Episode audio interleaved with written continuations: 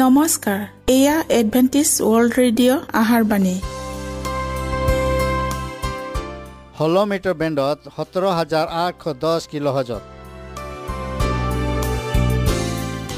Adventist world radio যোগে অসমীয়া ভাষাত প্ৰচাৰিত আহাৰবাণী প্ৰত্যেক বুধবাৰ আৰু দেওবাৰ সন্ধিয়া সাত বজাত আহাৰবাণী শুনাৰ পিছত আপোনালোকৰ কিবা মন্তব্য আৰু প্ৰশ্ন থাকিলে আমালৈ এই ঠিকনাত লিখক। আমাৰ ঠিকনাটি হৈছে Adventist world radio' seven day Adventist মণ্ডলী অসম শাখা লতাকাটা বশিষ্ট গুৱাহাটী সাত আঠ এক শূন্য দুই ন।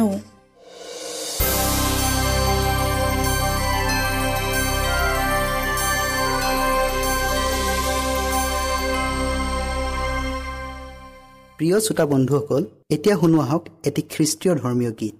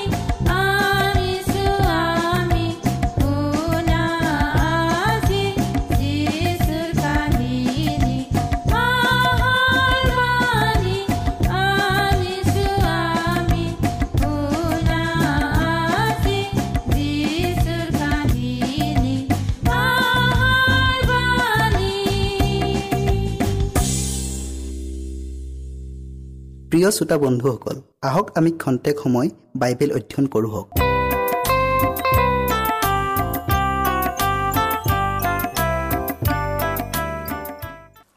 আজিৰ আমাৰ বিষয়টি হ'ল স্বৰ্গীয় সাহাৰ্যৰ প্ৰতিজ্ঞা। বাইবেল পতি লোৱা হৈছে মঠি দহ অধ্যায়ৰ অনিষ্পদ কিন্তু যেতিয়া তোমালোকক সোধাই দিব তেতিয়া কেনেকৈ বা কি কথা ক'ব লাগে তাক সেই মুহূৰ্ততে তোমালোকক দিয়া হ'ব। বিষয়টিৰ আগবঢ়াৰ আগত আমি প্ৰাৰ্থনা কৰোঁ হওক সেই সৰ্বশক্তিমান প্ৰভু পুনৰাই আজি তোমাৰ বাক্য শুনিবলৈ এই সুযোগ দিলা। তাৰ বাবে তোমাক ধন্যবাদ জনাইছোঁ। প্ৰভু আমি যি বিষয়টিলৈ অধ্যয়ন কৰিবলৈ আগবঢ়াইছোঁ সেই বিষয়টিলৈ জানিবলৈ আমাক জ্ঞান আৰু বুদ্ধি দিয়া। সকলো শ্ৰোতাৰ হৃদয় পবিত্ৰ আত্মাৰ যোগেদি স্পৰ্শ কৰি দিয়া। যীশুৰ নামত আমেন। কৃষ্টৰ দাস দাসীসকলে সিহঁতৰ বিশ্বাসৰ কাৰণে যেতিয়া সিহঁতক পৰীক্ষালৈ নিয়া হ'ব তেতিয়া কি ক'ব লাগিব তাক ঠিক কৰিবলৈ কোনো প্ৰয়োজন নাই। তেওঁবিলাকৰ প্ৰস্তুতিৰ কাৰ্য দৈনন্দিন জীৱনতে সম্পাদন হ'ব। ঈশ্বৰৰ আপুৰুগীয়া সত্যতাক তেওঁবিলাকৰ হৃদয়ত সাঁচি ৰখাৰ দ্বাৰাই আৰু কৃষ্টৰ শিক্ষাৰ দ্বাৰা পৰিপুষ্টি হোৱাৰ যোগেদিয়ে তেওঁবিলাকৰ প্ৰস্তুতিৰ কাৰ্য সমাপন হ'ব। আৰু তেওঁবিলাকৰ বিনীত প্ৰাৰ্থনাৰ মাজেদি তেওঁবিলাকৰ বিশ্বাস বলৱন্ত হ'ব। তাৰ পিছত যেতিয়া তেওঁবিলাকক পৰীক্ষা বা বিচাৰৰ কক্ষত অনা হ'ব তেতিয়া তেওঁবিলাকে নিজৰ হৃদয়ত সাঁচি ৰখা প্ৰতিটো সত্যতাক পবিত্ৰ আত্মাই তেওঁবিলাকৰ মনত পেলাই দিব। আৰু এই সত্যতাক বিচাৰ সভাত উপস্থিত থকা সকলোৱে শুনিবলৈ পাব। অতি যত্ন আৰু পৰিশ্ৰমেৰে শাস্ত্ৰ অধ্যয়ন কৰা সকলক ঈশ্বৰে জ্ঞানেৰে উপচাই পেলাব। আৰু এইবোৰ জ্ঞানক প্ৰতিটো প্ৰয়োজনীয় সময়ত তেওঁবিলাকৰ মনত পেলাই দিব।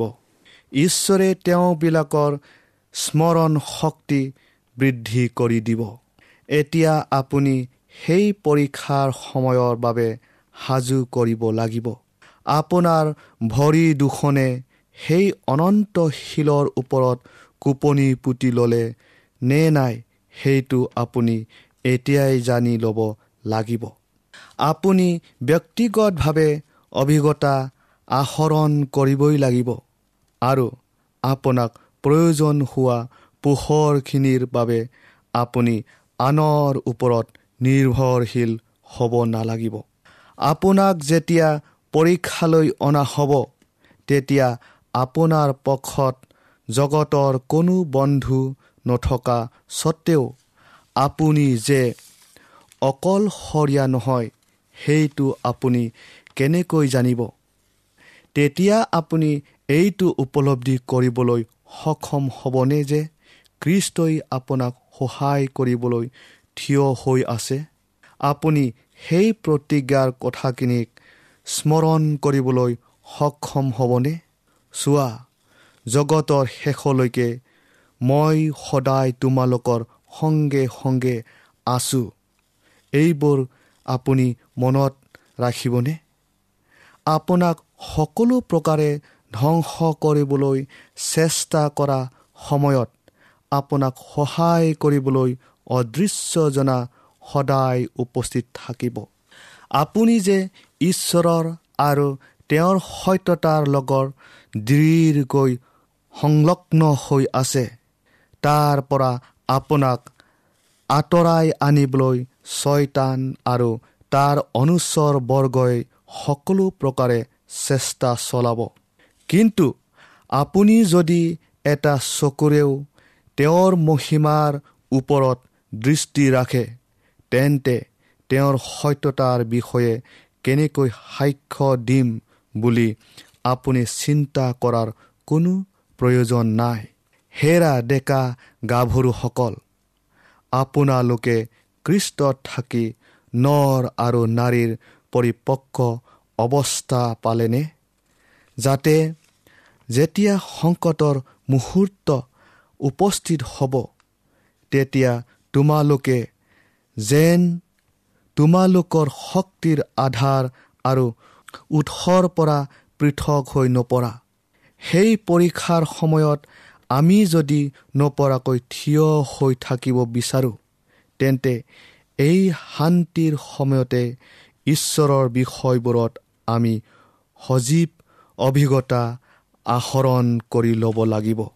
ঈশ্বৰৰ আত্মাৰ গভীৰতা কিমান তাক বুজিবলৈ আমি এতিয়াই শিকিব লাগিব। কৃষ্টই আমাৰ সৰ্বে সৰ্বা হ'ব লাগিব। তেওঁৱেই আমাৰ আলফা আৰু ওমেগা প্ৰথম আৰু শেষ আদি আৰু অন্ত। জিহিচকেল চৌত্ৰিছ অধ্যায়ৰ ছাব্বিছ পদটো আমি চাওঁ হওক। মই তেওঁবিলাকক আৰু মোৰ পৰ্বতৰ চাৰিওফালে থকা ঠাইবোৰ আশীৰ্বাদযুক্ত কৰিম। আৰু উচিত সময়ত বৃষ্টি বৃষ্টি অনাম বৃষ্টি অনাম আৰু আশীৰ্বাদ বৃষ্টি পৰিব। প্ৰাচ্যৰ দেশবোৰত শস্য সিঁচা আৰু শস্য দোৱাৰ সময়ত প্ৰকৃতিয়ে যেনেকৈ আগতীয়া আৰু শেহতীয়া বৰষুণ বৰষায় তাৰ আলম লৈ যিহুদী ভাৱবাদীগৰাকীজনে ঈশ্বৰৰ মণ্ডলীৰ ওপৰত অভূতভাৱে আত্মিক অনুগ্ৰহ পৰিব তাৰ বিষয়ে ভৱিষ্যবাণী কৰিছিল। পাচনীসকলৰ দিনত তেওঁবিলাকৰ ওপৰত যি পবিত্ৰ আত্মা পৰিছিল সেয়াই আগতীয়া বৰষুণ। আৰু ইয়াৰ ফল অতি গৌৰৱময় আছিল। কিন্তু পৃথিৱীৰ শস্য দোৱাৰ ঠিক প্ৰাক মুহূৰ্তত মানুহৰ পুত্ৰৰ আগমনৰ বাবে মণ্ডলীবোৰ প্ৰস্তুত হ'ব পৰাকৈ আন এটা বিশেষ আত্মিক অনুগ্ৰহ দিয়া হ'ব বুলি প্ৰতিজ্ঞা কৰা হৈছে।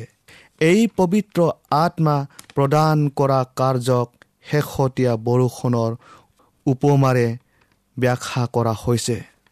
ঈশ্বৰৰ মহান শক্তিক প্ৰদৰ্শন নকৰাকৈ সুবাৰ্তাৰ মহান কাৰ্যক বন্ধ কৰা নহ'ব। আগতীয়া বৰষুণৰ যি ভাৱবাণী সেয়া সুবাৰ্তাৰ আৰম্ভণিত যেনেদৰে ফলিয়াইছিল ঠিক তেনেদৰে সুবাৰ্তাৰ অন্তিম সময়ত শেহতীয়া বৰষুণৰ ভাৱবাণীও ফলিয়াব পবিত্ৰতাৰ পোহৰেৰে পোহৰিত হোৱা মুখবোৰ লৈ ঈশ্বৰৰ দাহ আৰু দাসীসকলে স্বৰ্গৰ পৰা অহা বাণীক সকলো ঠাইতে প্ৰচাৰ কৰিবলৈ খৰ ধৰ কৰিব। হাজাৰ হাজাৰ মাতে জগতৰ চুকে কোণে সতৰ্কতাৰ বাণী প্ৰচাৰ কৰা হ'ব। আচৰিত কাৰ্য সম্পাদন কৰা হ'ব। নৰিয়াক সুস্থ কৰা হ'ব আৰু বিশ্বাসীসকলৰ পাছে আচৰিত চিন আৰু কাৰ্যও গমন কৰিব।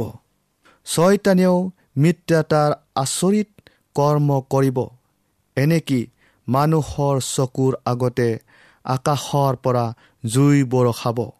এইদৰে পৃথিৱী নিবাসীসকলে কোন পক্ষত থিয় হ'ব তাক ঠিক কৰিব লাগিব। প্ৰিয় শ্ৰোতা বন্ধুসকল ঈশ্বৰৰ পবিত্ৰ আত্মাৰ গভীৰ তিৰস্কাৰেৰে পূৰ্বতে যেনেকৈ সুবাৰ্তা প্ৰচাৰ কৰা হৈছিল এতিয়া তেনে যুক্তি তৰ্কৰে সতৰ্কৰ বাণী প্ৰচাৰ কৰা নহ'ব। যুক্তি তৰ্ক কৰিবলগীয়াখিনি কৰা হৈ গ'ল। শস্য গুটি সিঁচা হৈ গ'ল। এতিয়া সেই গুটিৰ পৰা পোকা মেলিব লাগে। আৰু গছ বাঢ়ি ফল ধৰাৰ সময় হ'ল। প্ৰিয়সকল এতিয়া সত্যতাৰ পোহৰ সকলো দিশতে সোমাই গ'ল। সত্যতাক স্পষ্টকৈ দেখা গ'ল।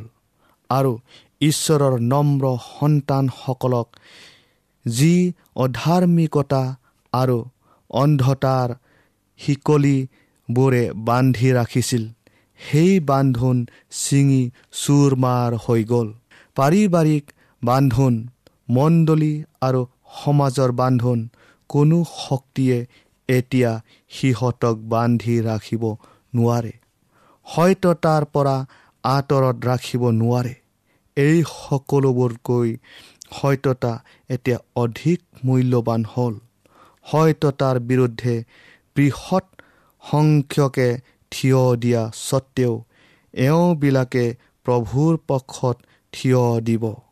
প্ৰিয়সকল আশা কৰোঁ আপোনালোকেও ঈশ্বৰৰ বিশ্বাসী হৈ ঈশ্বৰৰ প্ৰতি সাক্ষ্য দিব বুলি।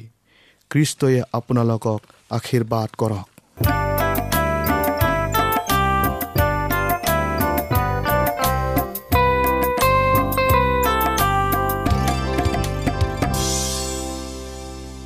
ইমানপৰে আমি বাইবেল অধ্যয়ন কৰিলোঁ। এতিয়া আকৌ শুনো আহক এটি খ্ৰীষ্টীয় ধৰ্মীয় গীত।